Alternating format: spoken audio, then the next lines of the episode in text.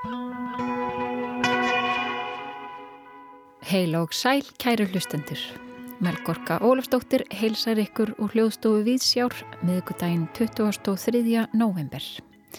Í þætti dagsins svipmynd af teiknara og samantekt um dansháttíð í Reykjavík. Haldur Baldursson, teiknari, hefur myndskreitt á annað hundrað barna og kennslubóka og fengið margskonar verlaun og viðurkenningar fyrir. Flestir þekkja eflaust til hans fyrir skopmyndir sem hann teiknar bæði í fréttablaðið og viðskittablaðið. Myndir sem oftar en ekki fela í sér flugbeitta samfélagsrýni. Haldur kennir teikningu og myndskreitingu við Listaháskóla Íslands og Myndlistaskólan í Reykjavík og nýlega kom út eftir hann myndasaga sem ber titilinn Hvað nú? Sagan er sérstæð fyrir margra hlutasakir en hana vann Haldur sem lokaverkefni í listkenslu við Listaháskóla Íslands. Haldur Baldursson verður gestur okkar í sveipmynd dagsins hér rétt á eftir. En við byrjum á því að fá pistil frá Nínu Hjálmarsdóttur sem tekur saman upplifun sína á Reykjavík Dansfestival, dansháttíðin í Reykjavík sem lauk á sunnudaginn. Reykjavík Dansfestival, RDF, Karnival, Sviðslista, Grasrótarinnar, okkar Airwaves fór fram í liðinni viku en í ár var RTF í samstarfi við lokal sviðslista háttíð sem sér hefði sig nú í að sviðsetja verk í vinslu. Verkin sem ég fjalla um í dag voru bæði í bóði Reykjavík Dansfestival sem fagnar nú 20 ára afmæli sínu og er önnur hátíðin sem listrænu stjórnendurnir Brókan Davison og Pétur Ármannsson stýra. Um leið og hátíðin er og hefur alltaf verið vettvangur fyrir íslenska áhörundur til að sjá álþjóðleg listaverk af hæsta kaliberi sem og vettvangur fyrir íslenska danshöfunda og listamenn úr græsrótinni til að koma sér að framfæri. Þá hafa spurningar um inngildingu og sjálfbærni listasennunar orðið æ áleitnari í gegnum árin. Spurningar sem stóru stopnanirnar innan senunar eru kannski bara rétt að byrja að fjalla um. Yfirlýsing RTF í ár hósta á þessum orðum Verna Mæjers, fjölbreytileiki er að fá bóð í teiti, inngilding er að vara bóðið upp í dans. Stjórnendur RDF gangast við valdinu sem fælst í því að velja hver fær að sjást og hver ekki. RDF er ætlað að vera aðgengileg háttíð sem er vettvangur ólíkra líkama, ratta og byrtingamynda. Það var augljóst að háttíð sem þessi sem stopnuð var af listamönnum og er í dag alfarið stýrt af listafólki sem starfar í sjálfstæðu senunni og grásrótinni að hún er komin miklu lengra í fjölbreytni í verkum og inngildingu en sérst í megin strömmnum. Sem dæmi má nefna þó nokkur verk sem voru búin til af börnum og um þau sjálf. Stærsta erlenda nafnið var listamæðurinn Chiara Bersani sem er fölluð en hún var ekki eini fatlaði listamæðurinn sem sínir sterka sögn RTF að tókenisera ekki fatlaða listamenn. Þá má líka nefna nokkur málþing sem buðu upp á samtal við áhörundur, vinnusmiður sem gáfu praktiska insýn í vinnuaðferðir og að fjöldi verka voru ókipis og í óhefbundnu rými. Íslensk stjórnvöld hafa skuldbundið sig sangkvæmt samningi samennu þjóðana um réttindi fallaðs fólks að unnið sé gegn staðal ímyndum, fordómum og skadlegum vennjum. Þar hafa þau einnig samþygt að fatlað fólk taki þátt í menningarlífi til japs við aðra og fái tækifæri til að þróa og nota sköpunargáfu sína og listræna og vitsmennarlega getu, ekki einverðungu í eigin þáu heldur til að auðga samfélagið. En samt er eins og sjálfstæðar hátíðir eins og Reykjavík Dansfestival og List án landamæra séu einar um að svara kalli saminuðu þjóðana og njóta til þess mjög takmarkaðs stuðnings stjórnvalda. En nú að verkonum. Á fymtudagskvöldið skundaði ég yfir í kassan í þjóðleikusinu til að sjá annað verkið af þremur það kvöldið. Juliette Duett er fyrsta verkið þar sem Halla Ólafsdóttir og Erna Ómarsdóttir eru tvær saman á sviði en þær hafa áður samið verkið Rómeó Hjarta Júlia fyrir Íslenska dansflokkin sem hlaut verskuldað lofgagrinenda og tilefningar hér á landi sem á víðar. Það er eitthvað magnað sem gerist þegar reyfinga eða líkamstungumál erðnu mætir beittum húmor höllu. Þessar júliur eru langt frá því að vera prúðar og viðkvæmar eins og frummyndin úr þekktustu ástarsögu allra tíma. Þær eru frekar eins og uppvæðningar hinnar upprunalegu draumastelpu, hins arfa slaka þraunga ramma sem karlmenn festu kvenleikan inn í, uppvæðningar heteronormatífu romantíkureinar komnar til að öskra tilbaka. Halla og Erna slengjast og engjast um sviðið og fara með línur úr því sem hlýtur að vera upprunalega verk Shakespeare's og minna helst á örleganornir eða aðrar góðsagna kendar og veikandi verur. Það er kvísla djúbri röttu, kvíslið bergmálar í dimmu tómarými sviðsins rammað inn með dökkum klassiskum leikhústöldum og reik. Þannig byggja þær upp vísanir í verkið þar sem áhörundur geta grepið episkar línur líkt og Ó Rómeó, Wherefore art thou Rómeó. Í fyrstu virðast samskiptin handahófskend en smám saman fer man að finna fyrir tengingunum og struktúrnum og búa til eigin narratífur. Það er alltaf eitthvað í umgjörðinni sem kommentar á klísjuna og í þessu tilfelli eru það jókaböksurnar og H og M hauskúpu bólitnir. Á meðan þær leiðu okkur í næsta kapla verksins afklæðast þær um leið og þær skokka hlið við hlið í ringi, býrna klunalega, fara að tala saman á íslensku og meðan þær bjastra við að tróða sér í viðbjóðslega ljóta, kvíta, prinsessu, kjóla sem myndu mig á kórkjóla hamrarlíðar kórsins nema allt of stórir og íburðar miklir. Það eru svo litið eins og teiknimynda karakterar svona þar sem einn kall er stór og hinn er lítill og alltaf að lenda í vandræðum. Áhörundur voru neldir, enda gatt minsta reyfing eða augna tillit frá þeim kýtlað hlátur taugarnar á þann hátt sem aðeins senur án orða geta gert. Verkið hefði samt haft gott af því að vera korteri stittra. Það var aðeins oflangt. Júliu duettin er verk sem endur skrifar og endur tólkar frægustu klísju allra tíma. Eina af þessum narratífum sem hafa mótað samfélagsgerð Vesturlanda hvernig við hugsum og erum. Þessi endurskrifaða saga Erdnu og Höllu er um hins einn elskandurna Júliu og Júliu þar sem einn fremur sjálfsmorð haldandi að hinn sé dáin og hinn fylgir henni í dauðan. Eðaverkið gæti líka verið um ást Júliu á sjálfrið sér. Þannig bendir verkið á söguna sem var aldrei skrifuð sem við höfum aldrei fengið. Verkið er kannski tilraun til að græða einhver sár og um leið benda á allt sem heimurinn hefur farið á misvið. Þegar júliurnar í ástaræði segja aftur og aftur I love you, I love you við áhörundur í því samingi og heimi sem þær hafa þegar dreyið upp, þá eru þær að spyrja stóra spurninga um ástina. Er hún raunveruleg eða er hún skilirt? Er hún kannski bara óskheikja, hugmyndin um hvað ástin á að vera?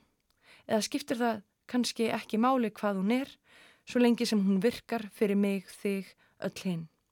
Er ástinn leið til að lifa og lifa af. Það gerist ekki oft að ég sé verk sem lætur mig yða af ánægu, þar sem ég get ekki beðið eftir því að sjá hvað kemur næst. Þar sem ég hlæ svo innilega en er líka djúft snortin því hefði listrana er að výra einhverjar tengingar í líkamannum upp á nýtt sem voru illa skrúfaðar saman af feðraveldinu. Þegar Halla og Erna fæða risastóra karlmanns hausa með skalla, bletti og skegg og hugga skrækjandi patriarkíð í svo óþægilegum annarleika þá hugsaði ég með mér að ég var að upplifa performance ekstasíu þar sem of margar mögulegar tólkanir kalla fram ekkert nema absolutt fullnæju, gleði og ró. Juliette Duet er ótvírægt með allra bestu verkum sem hafa verið sett upp á þessu ári og það er von mín að fleiri hér á landi fái að upplifa þessa stórkostlegu síningu. Hittverki sem ég ætlar ín í nefnist Gentle Unicorn eða Blíði einhyrningurinn og var sínt í kassa þjóðlikusins á lögardaginn. Það er eftir og er flutt af stærsta erlenda nafni hátærinnar ítölsku listakonunni og dansaranum Kjöru Bersani. Áhörundur sitja á golfinu með fram kvítum dúk eins nálagt henni og hægtir. Við heyrum háfaða utan sviðs eins og við sem lokuð inni fáum ekki að vera með í partíinu. En smám saman færist hljóðmyndin inn og kjara einhyrningurinn fer á stjá. Því sem við tekur er ekki hægt að lýsa öðruvísi en sem pjúra töfrum. Ég held ég geti fullirt að hvert og eitt okkar hafi verið snortið. Sjálf var ég dáleitt og tárin runnu niður kinnarnar í stríðum ströymum. Svona sviðsnærfira er einstök, ber vott um mikla listræna hæfileika og þjálfun hvernig hún ferðaðist um sviðið, hvernig hún náði til áhörenda og hversu auðvelt það var að treysta henni fyrir hjarta sínu. Endurtekningarnar í hljóðmyndinni og fingerðar reyfingar einhyrningsins stáleitu og hvert einasta smáatriði sagði svo mikið. Kjara er að vinna með mjög merkingar þrungið fyrirbæri sem er einhyrningurinn en góðsagna verur sem hann hafa lengi verið í hávegum haðar hjá þeim sem eru á skjön við samfélagið eins og hins einn fólk. Takk fyrir þau sem upplifa að samfélagi láti eins og þau sé ekki til, fyrir þau sem vilja ekki samræmast kynja tvíhyggjunni, fyrir þau sem eru stöðugt öðruð frá samfélaginu og normum þess. Þá samsamar Kiara Bersani sig líka með einhjörningnum, verandi fölluð og smágerð kona sem í þessu verki notar ekki hjólastólinn sinn heldur ferum sviðið í augnhæð við áhöröndur. Á sama tíma er hún að bjóða okkur að horfa á sig, við sem erum vönað stara ekki á fatlað fólk, Við horfum á hana og við mætum henni á sviðinu í listaverki. Við sjáum hana eins og hún vill að við sjáum hana. Hún er við stjórnvölinn hér. Í lokasenu verksins byrtist okkur fögur marglaga merking, kjara leikur á trompet og henni er svo svarað utan sviðs af blásturs hljómsveit. Bæði hún og hljómsveitin leifa tónunum að flæða hömlu laust í óm stríðu en þó með miklum ásetningi. Það sem kannski situr helst í mér eftir hátíðina er æpandi misræmið í forgangsröðun stjórnmalda í framlögum til sjálfstæðirar lista starfsemi. Reykjavík Dansfestival fær sem dæmi aðeins 3,5 miljónir í stuðning frá ríkinu og 5 miljónir frá borginni. Lokal hefur ekki fengið svar frá ríkinu um hvort fjárstuðningur við þau verði endur nýjaður.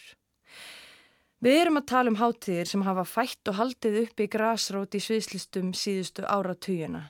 Hátíðir sem hafa verið í fararbróti alþjóðlegs samstarfs og samtals.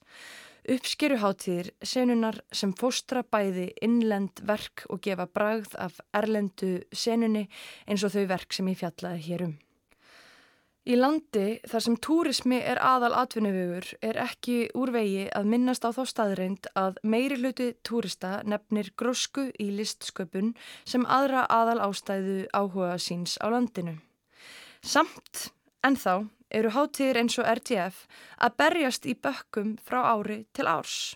Ástriðu fullir listamenn vinna nótt sem nýtan dag fyrir nánast ekkert og stjórnendur hátíðana geta ekki einu sinni borgað sér laun og hafa aldrei getað eins og kom fram á málþinginu á föstudaginn sem bar yfirskriftina hvað getur hátíð gert.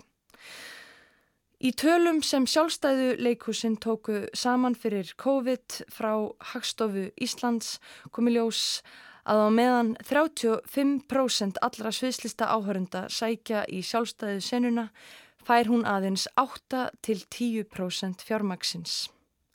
Þannig að af öllu fjármagni sem veittir í sviðslistir fá stopnanir eins og þjóðleikusið, borgarleikusið, dansflokkurinn, óperan og menningafélag akkurirar 90% á meðan tjarnarbíó, verkefnasjóðir og listamannalaun til sviðslistafólks fær 10% þrátt fyrir að fá til sín 35% áhörunda.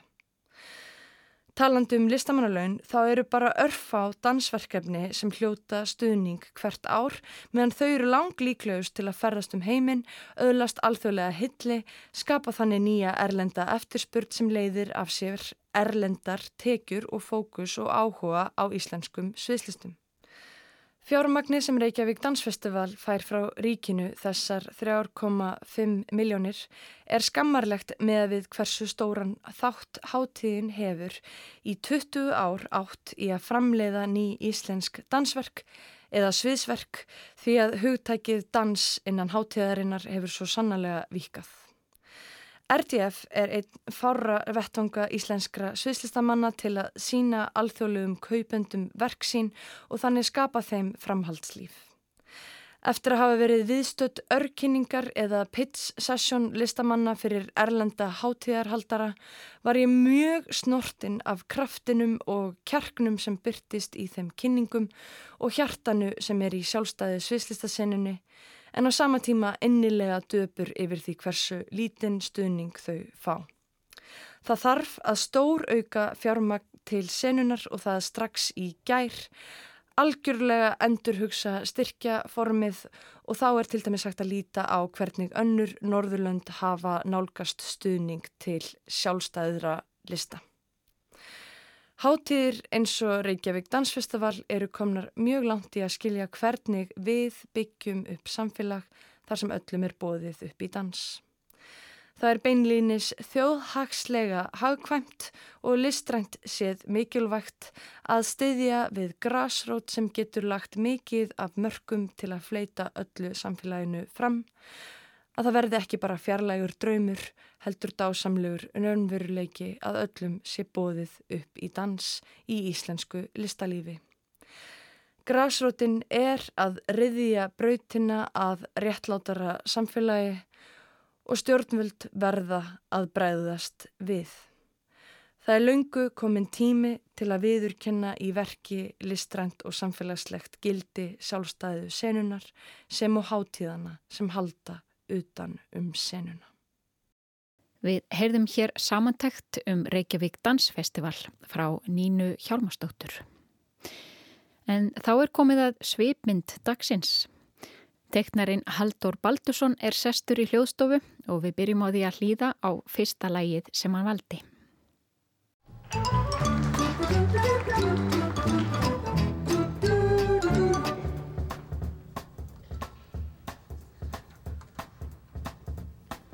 Mana mana. Mana mana. Mana mana.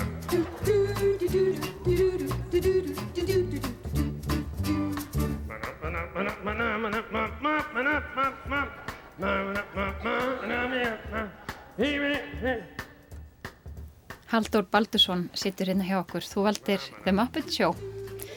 Hvernig stendur það því? Það er rétt. Ég, þegar við komum aftur í svona menningarkíman í höstum á mér. Mentunarkíman ætla ég að segja. Best að byrja með þetta að ruggla allir saman hérna. En þarna, þá á ég þessa minningu frá því að ég var 11-12 eh, ára gammal og ég og Dýbrasysteminu við komum bæði fyrir svolítið í þessari bók að, að við vorum sendi í öldungateltin í MH til að læra Esperanto. Já. og eh, það kemur þannig til að Ég er alveg upp í, í fjölskyldu sem er svona svolítil lúða fjölskylda. Það er tala fólk esperant og horfur Star Trek og svona. Og það var svona gerð mjög heiðarlega tilrönd til þess að senda mig og Láru sýstur í, í þá uh, öldingadeildina og læra tungumál heimsins Já. við mættum hann í fyrsta tíma svona, það var svolítið dreijan en við vorum kannski ekki alveg til í þetta og við vorum svolítið dreijanast að senda hana og uh, versta við þetta var að The Muppet Show var sama kvöld í sjónvarpinu og við vildum ekki missa prúðuleikuruna þannig að uh, við læriðum aldrei meira en fyrsta kaplan í Esperanto og það situr ennþá svolítið í mér Já. ef, ef prúðuleikurinn hefði ekki verið akkurat á þessum kvöldum þá var ég hérna flúentli að tala flúentli í dag Já. slettum að ég allar áttir hérna að tala Esperanto Já. Þannig að það er prúðuleikunum að kenna að þú talar ekki tungumáli. Það er prúðleikunum að kenna og þetta sýnir okkur að mentun getur haft uh, ótrúlegustu snertifleti sem hefur áhrif á hvað, hvað læru við, hvað rendu við og afturrengin var hérna bar, bar í þessu tilviki heimstungumálið uh, ofurliði. Já. En þetta er kannski líka vitninsbyrður um að það sem er skemmtilegt, það trekkir, trekkir að. Já, ég held þetta var kannski aðeins markað hvernig ég hugsa, að því ég fer síðan í, í skopið mikið og fer að tjá mig með uh, húmor. Það verður svona sem minn svona tjáningamáti þó ég sé kannski uh, ekki alltaf náðu að koma sér frá mér. Mm þá þá hérna, hendar þetta að teikna skemmtilega myndir og ég byrja svolítið, svolítið að sjá mig og, og skilgreina mig sem svona grínteikna teiknara mjög snemma þannig að það er strax þarna að sjá þessum breyðgjara eða svona þessum grunnskóla árum þegar ég er í breyðgjara skóla sem ég byrja að teikna myndir sem krökkunum þykja við vera svolítið skemmtilegar og þetta er svolítið fyndið, þetta er hengt upp á vegg og, og ég fer svona að finna til þessarar sjálfsmyndir að vera teiknarin þetta er einn síðan vera nokkuð sem er algengt að við förum eiginlega tóltið að, að sjá okkur sem hvað, það sem við gerum á þessum árum og það er bara svona sem verið syngt fram á það að margir þeir sem eru miklir íþróttamenn þeir byrja að mótast á þessum árum eða þeir sem eru smiðir eða, eða svolítið nördar og vilja grúska og þá, þá kemur það fram á þessum árum mjög stert. Þetta kemur einmitt allt fram í bókinniðinni og það er einmitt, segir frá því hvað það hafi verið góð tilfinning að, að finna það og gæti verið svona trúðurinn og krakkarnir getur hleyið að tekníkonuðinum. Já, hljóðlóti trúðurinn að því ég var hlétrægur þannig að þá verður þetta verður þetta svolítið leið uh, hins hlétrægar að tjá sig í myndum og teikningum. Og uh, maður sér þetta núna því ég náttúrulega stundað mikið kennslu líka svona með fram teiknistarfinu að uh, þeir sem fara þessa leið og eru teiknarar að þeir eru oft svona sem við tölum um sem introvertar sko. Já. og þurfa að takast á það kannski svona þegar kemur á fullónis árum og þú verður, verður að deila þessum að öðrum og verður að fara yfir hana þröskuld og endanum einhvern veginn að, þurfa að sína þessa myndir þínar og ég man eftir því að ég var að, að þessum árum þó ég hafa verið að myndaðist þessi stíl og það kemur nú fram í bókinu líka og ein, eitt dæmi um þessa mynd mynd frá þessum árum sem er svona fulli presturinn að hlaupa og eitthvað. Og eh, að uh, þetta eru myndirna sem ég geri til sínis og, en svona þegar ég kem heim og fer að njó, njóta þess að vera að láta mig leiðast og mér leiðist þú mikið fyrir, fyrir að taka blöð og fyrir að teikna eitthvað svo leiðist og þá er það miklu frekar stríð, þú veist, þetta er aksjónmyndir og þetta er fókbalti og mjög lélur í fókbalti en þú veist, dreym, dreymdum að vera góður, það kom fram í, fram í myndunum og mm -hmm. svo mann ég og mamma var alltaf sem var mjög svona meðvituð, ég, bara afsækja ég skulle lýsa hana sem nörd hann í upphafi og svona aðeins minni nördin pappi en hérna talaði samt að spyrja á en allavega þá var hún meðvitaði kennari og vildi gerna sapna saman myndunum mínum. Mm -hmm hann hafði eitthvað að trúa þessu? Og uh, ég var alltaf að reyna að eyða þeim áður hún næði þeim. Okay. þannig að þetta var bara í núinu. Og ég held ekki deila sem öðrum. Og ég var bara teiknandi á fullu og fylgti skrippborði og svo kemur, hana, kemur mamma með kassan og segja aldar minn er ekki eitthvað fallit hérna að sjá að það var? Nei mamma, og svona var maður að rústa þessu hún í ruslaboka og beint út í tunnu og hana En náðu hún að bjarga ykkur? Já, það er nefnilega þessi kassi síðan var hann alltaf að minna með hann að kassa hérna því þegar hann fullorðin og hérna og eftir hún kvatti þá fekk ég kassan í hendunar þannig að það er, fullt af dæmum sem þessa myndir til að hún náði ykkur. Þannig að þú upplýði bara mjög snemma að það væri svona þitt tjáningaform að teikna, finnst þér bara beinlinis áttu auðveldur að með að tjáði í gegn teikningu heldur en til þess að tala eða að skrifa? Já, mér finnst ekki derriðt að tala eiginlega ekki taka allavega sko. Nei. og skrifa, kemur þetta eru þetta eitthvað tengt í hvernig manni líður á hvernig tíma mm -hmm. og eins og ég kannski koma það þá verður þetta svona tjáningaform svona þeirra sem eru svolítið inn í sig að fara að teikna og búið til myndir þetta er ekki alveg að sama að fara í leiklist þeir sem verður leiklist er allir bara mm -hmm. hoppa fram og, og hérna, tónlistin líka svona, svona extrovert form til þess að tjá sig mm -hmm. en ég held að þessi skapandi hæfileiki sé náðu svolítið yfir þvert sko, hann er að þeir sem þeir sem eru góður að teikna þeir yfirleitt geta að skrifa eitthvað líka. Þannig að fjölmarki millistamenn sem eru hérna, fínir rittvöndur og svo við þekkjum.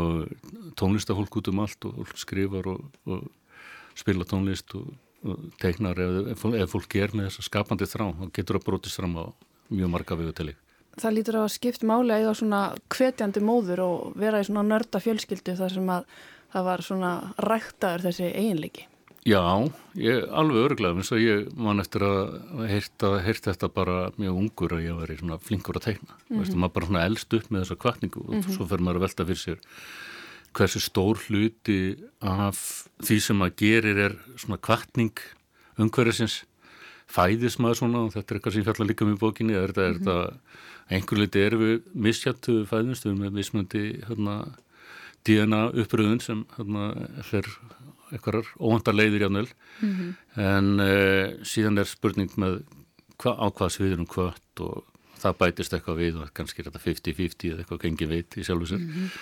en það er alveg verið að kvartning hefur mikið að segja um hvar við endum og, og svona okkar karakter, hvernig við röðum saman, hvað við gerum og, og hvað við fæðist með, veist, við fæðist ekki með blíjandin í hendi kannski en, mm. en uh, ef ekkur réttur okkur hann, þá kannski vitum við hvað við höfum að gera við hann ef við höfum höfum þess að skapandi þrá. Mm -hmm. Það kemur líka fram í bókinni að ákveðinu tímabili lífinu þá hafa verið svona kannski ekki verið viss hvort að þetta væri rétta leiðin, hvort það væri kannski hægt að fara eitthvað aðeins praktískara leið.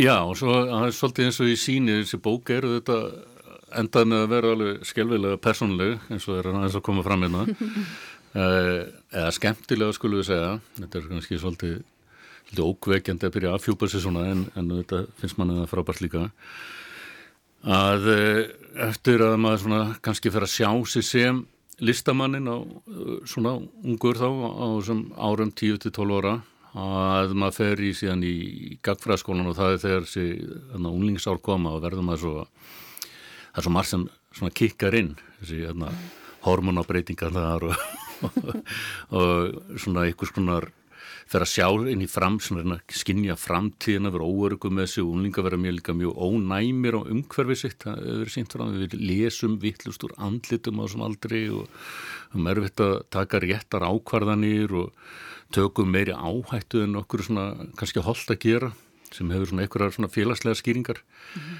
þannig að Uh, við erum þetta er aldrei ringlaður tími fyrir flestum og uh, en um leið kannski finnst mér við einblínum aldrei á að þessi ringulreið séu all svona á negatífinni mm -hmm. séu hérna, að taka áhættu og vera hérna, hafa þessi skringilega og allt þetta að byrja að drekka og það, allt, þetta allt sem fylgdi á þessum árum allavega, þannig að það er spreyst kannski dag en uh, þá erum við líka með upptökinu að vera skinsum og við vera, veist, við erum að reyna að hugsa rökrétt, reyna að finna einhverja kassa til þess að sitja út um okkur og þessum tíma fer ég þá að spáði hvort ekki, maður er ekki bara að vera arkitekt eða hérna, auðlýsingateiknari eitthvað svona sem maður getur unni við. En draumurinn var dálítið segmynd sko, að því að hérna, ég, veist, ég las blöðin og maður sá teikmyndasögur og þá segmynd í mokkanum og maður hugsaði að þetta var sennilega mest gaman að gera, að vera þetta. En, en var eins og að fullkomlega meðvitur um að þetta var ó, óraunhafur draumur mm. sem síðan endaði einhvern veginn með að rætast á endanum. Mitt, hann tók völdin. Mm -hmm. en áðurum við yfirgefum svona batnæskuna kannski í byli þú þá fór næsta tóndæmi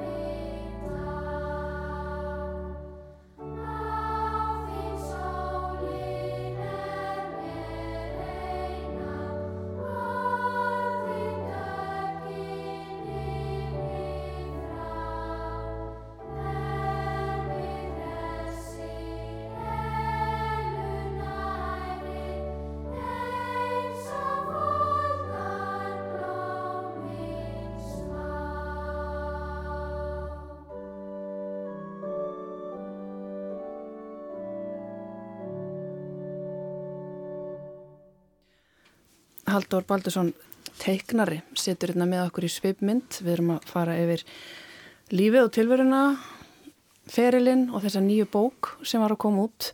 Þetta indisfæðra lag hérna sem að Barnakór söng. Hvað, segð okkur frá þessu lagi og hvernig það tengist bókinni? Já, þetta telji vera fyrstu minningu mína sem er allir með náttúrulega minningu svona miklu lengur aftur en ég, ég er greinlega, ég eftir aldrei gleimin, ég er ekkert mikið að haldi hverja minningar held ég hljóta að vera. Þannig að þetta er eiginlega eina sem ég man úr leikskóla. Og þegar ég var hérna í, í Garðaborg á sín tíma þá, þá uh, man ég eftir því að hafa sungið þetta lag. Og uh, svo kom ég heim og ég segi nú náttúrulega frá þessi bókinu og þetta verður svona, svona dæmi um hvernig minningar geimast að uh, ég fara að segja frá því um mataborðu að, að þetta að ásta leikskólakennari fóstra að hún hafi semst fyrir að syngja lag og kenna einhver lag um sjálfa sig. Þetta ástarfadir heiminn hæða ástafadir heiminn og hún er, og hún er kona sagði þannig að hún getur ekki verið fadir og mamma er auðvitað mjög skilningssík og svona yfir þessu þessu mistökum og, og, segir þetta er nú, þetta er nú Guð Guð er fadir og svona. Og ég verð svona alveg miður mín og Lára sýstir hún alltaf var með þetta allt á hreinu og þannig að ég verð fyrir svona létt léttu svona vitsmunulegu áfalli mm -hmm. til ég vera. Þá fyrir, fyrir svona þessi minninga bergmála í hausnum að vera þessi það þótti þetta að vera ákala kjánalegt sko að að, að rugglast ástókuð og ekki skili textan og þetta eru við alltaf að syngja eitthvað sálma á þessum ári sem við bara skiljum ekki textana. Þetta er bara endalust eitthvað svona, svona fyrðulegi textar og náttúrulega þetta satt í mér ekkert svona stór, stórkoslegt áfall, ég var kannski sínir hvað ég var í svona, þetta var ekki mikil átök kannski öskunni þannig sem betur verið síðanst að glíma við. En svona hef ég komist að margi sem eiga svona líklar kjánalega minningar mm -hmm. sem það losna ekki við. Og það er eiginlega of kjánalega til að tala um þar og síðan þegar ég fór að skrifa þetta ég hef aldrei sagt neitt um þetta sko, þess að minni, þessi minning bara er hana. Mm. Svo er ég bara eitthvað svona að rifja þetta hvað mann ég og þá er það bara þetta. Og fyrir að hugsa um hvað af hverju mann ég þetta? Þetta er svo ótrúlega ómerkilegt. Mm -hmm. en eh, en maður skinnjar samt áfallið einhvern veginn. Um að hafa svona ramt fyrir sér. Og skammaðist þín skammaðist mér einhvern veginn pínulítið. Og það er svona þess að skammað sín pínulítið það hefur geimst oft eitthvað svona geimst aldrei vel hjá mér svona verkmálast í hausnum á mér aðeins. Þetta er svona lýsandi fyrir kannski almennt nálgunna sem þú tekur í bókinni. Að nefna dæmur einn lífi og fara svo kannski inn á fræðileg svið og þannig að þú notar tækifærið með þetta dæmi að tala um hvernig minni virkar og svona hvað við munum og hvað fræðimenn hafa sagt um það. Og það kemur fyrir með ýmslegt annað í kennslufræði og uppbyldisfræði. Já, líka verður áhugavert að, að hugsa um sko sem ég fór að gera í þessu tilviki að, að kynna mér höfund lagsins. Þannig að við getum svona daldir sem kennar á vilja, svona, ég er alltaf á líka reyndar sem skopindategnari, þá er ég alltaf að leita þessum tengingum, hvað tengir eitthvað saman, við erum alltaf með nokkra bolt á lofti og, og svona vil ekki sjá kannski hlutina frá einu sjónarhortni þannig að í þessu tilviki þá er það er ég að kynna mér þá tónskáldið og hann reyndist vera bara svona áhugaverð saga á bakvið Jóðið Frækart sem aðna samtilegið og var mjög metnaða fullur og var í skóla heimun og Alkant á sín tíma í Könumberg og síðan fer hann verður, hérna, reynir að meika það fer, mm. greinlega ríku fólki hann að færa tækja fyrir um allan heim sko, hérna, Vínaborg og London og París og þar sem kynist fransku byltingunni og fær rángar skoðanir í pólík kemur aftur til hérna, Þískarnas og er settur svona út af sakramentinu þar og missi vinnuna sem, svona, hérna, sem var búin að fá þar og endar svona í eimdeila og deyr einn og yfirgefin með magasár og öll stóru tónverkin eru gleimt mm -hmm. en uh, eftir lifir þessi sálmur og hann er líka þekktur í Þískanlandir skilmir hann er að en, en svo erum við með Stengrin Torstinsson sem, sem er textan mm -hmm. 80 árun setna á Íslandi og hann verður svona eins og er, hann er er e, merkismadur í, á Íslandi mm -hmm. og einhverjum ástæðum hann kannski er pólitíkinn komin á réttan stað eða hver veit hann er hérna með Jóni Sigursinni í við erum útmálum allir senunni og og verið skólastjóri og svona allir, en kannski var það bara svona viðkunnulegu karakter en það getur líka að fara að hugsa um það mm -hmm. er það persónuleikir sem dreifan áfram var, var rækkar bara svolítið erfiður það geta líka verið sko Já. við vitum ekkert um það, við erum gaman að tengja saman svona hluti, fara láta söguna flæða inn og jættil pólitíkina, kannski okkur með rétti tími fyrir þessa romantísku þjóðartislegu hugsun þegar stengrum kemur fram með synteksta mm -hmm. en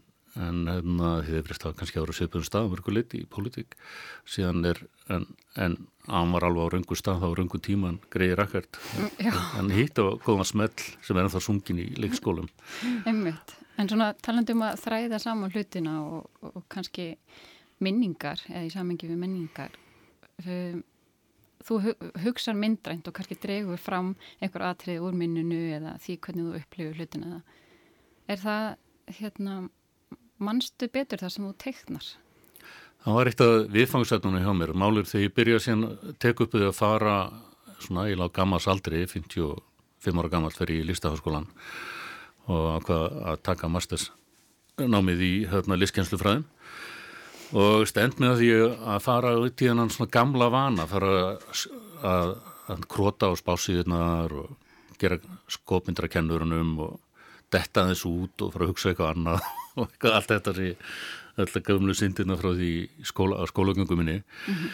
og uh, síðan þegar kemur að það gera dagbók þá hugsa ég get bara að nota þetta kannski er, hérna, er eitthvað í þessu sem henda mér bara til þess að muna hluti mm -hmm. að teikna þá og taka þessi kjenslufræði og snúa svona örlítu út úr þeim uh, og þetta verður svona dagbókin í þessum, þessum tímum sem voru kennar líf og sál hittir þessi tímar og, og eins og ég hef nú gaman að henni rítað að máli þá finnst mér áhugavert að blanda þessu saman.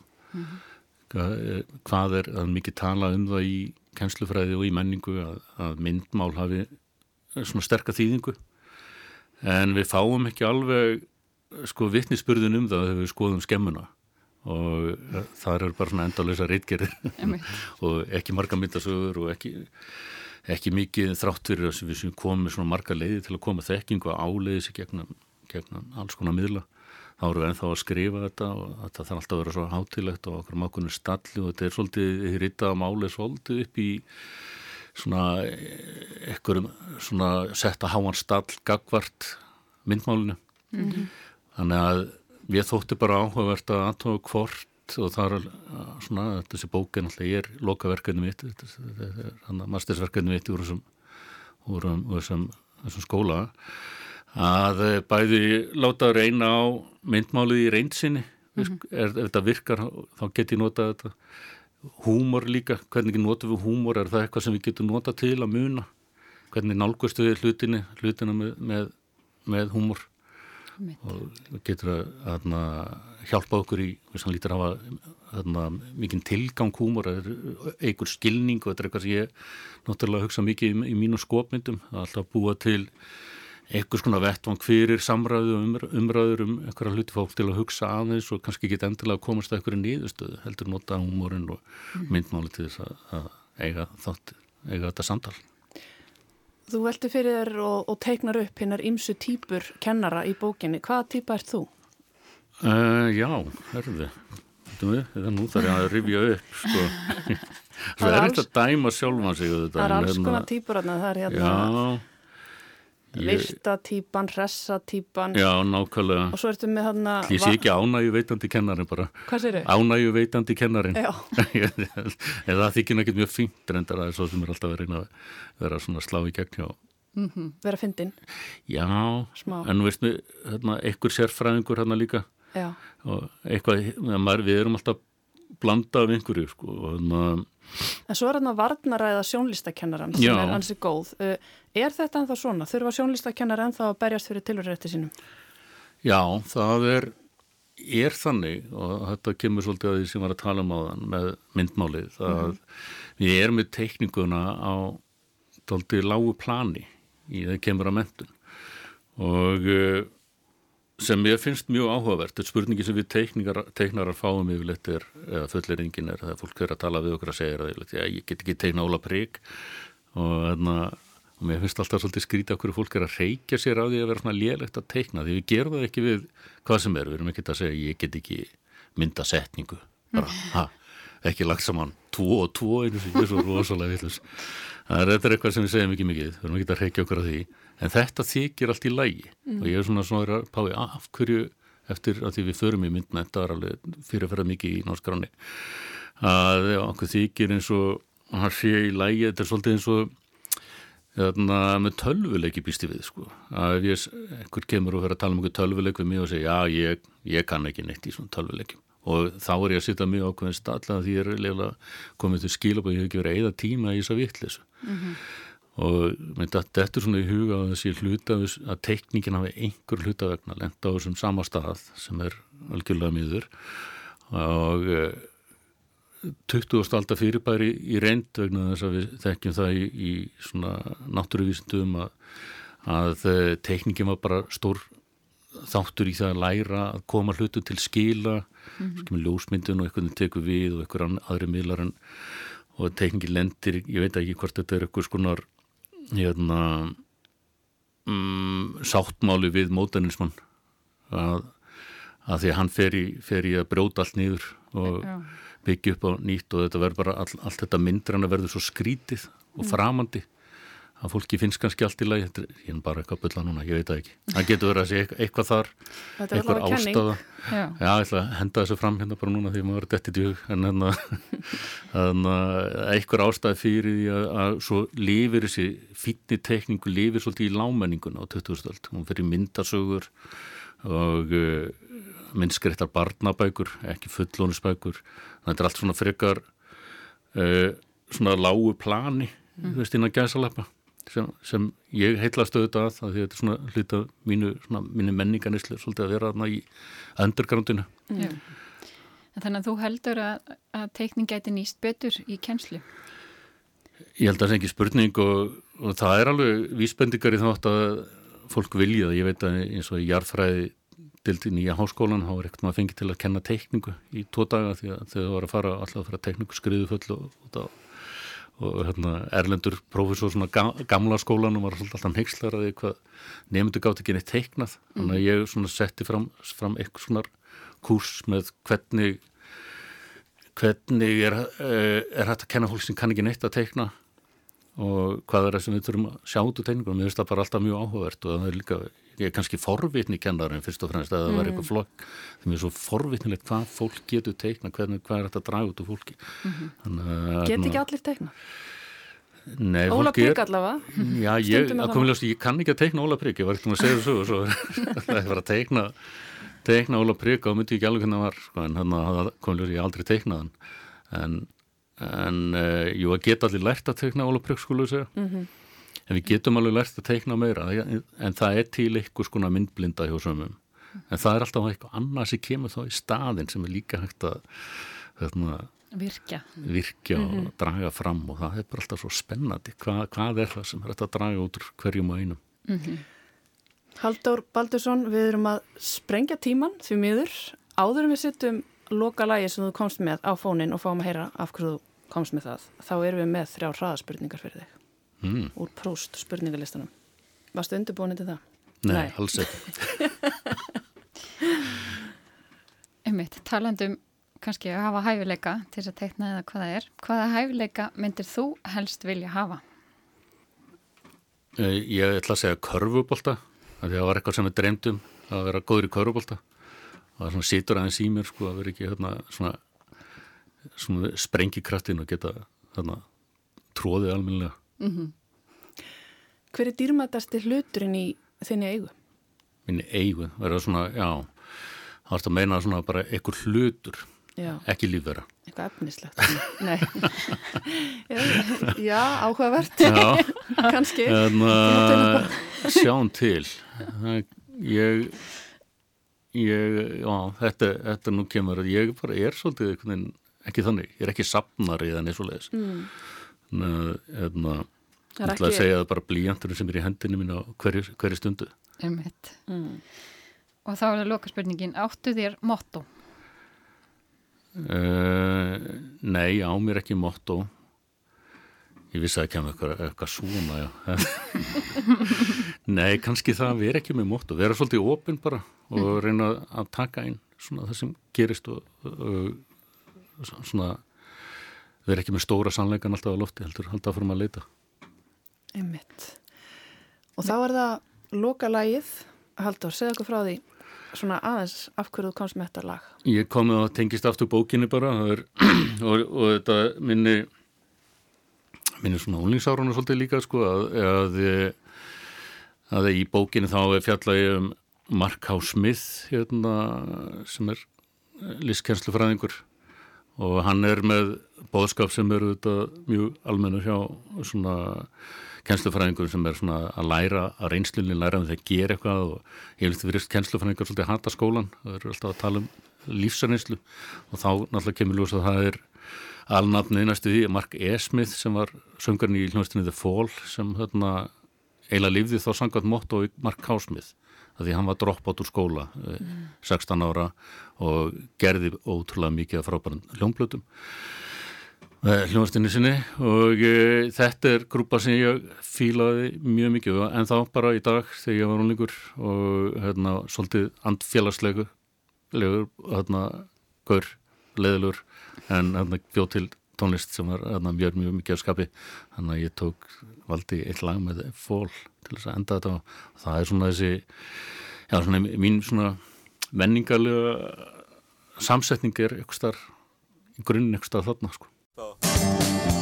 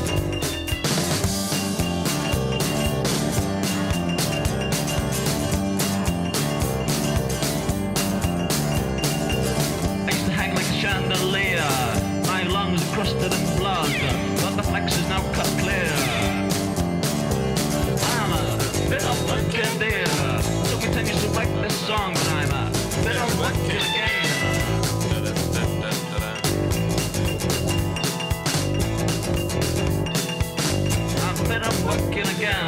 Makes you think this block was the domain. Then I'm working again.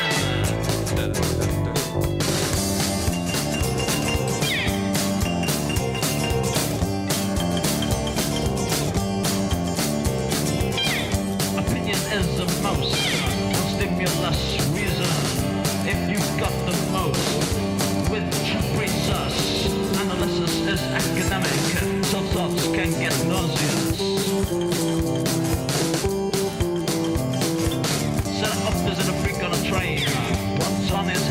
Boy, was I getting so vain.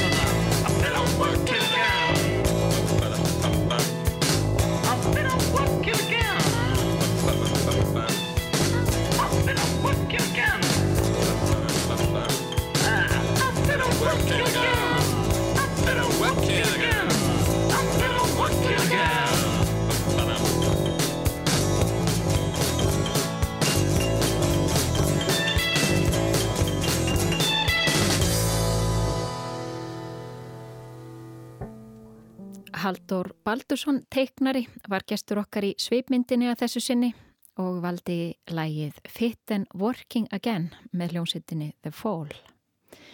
Og með því ljúkum við þættinum í dag. Við sjá verður hér aftur á sama tíma á morgun. Takk fyrir að hlusta og verið sæl.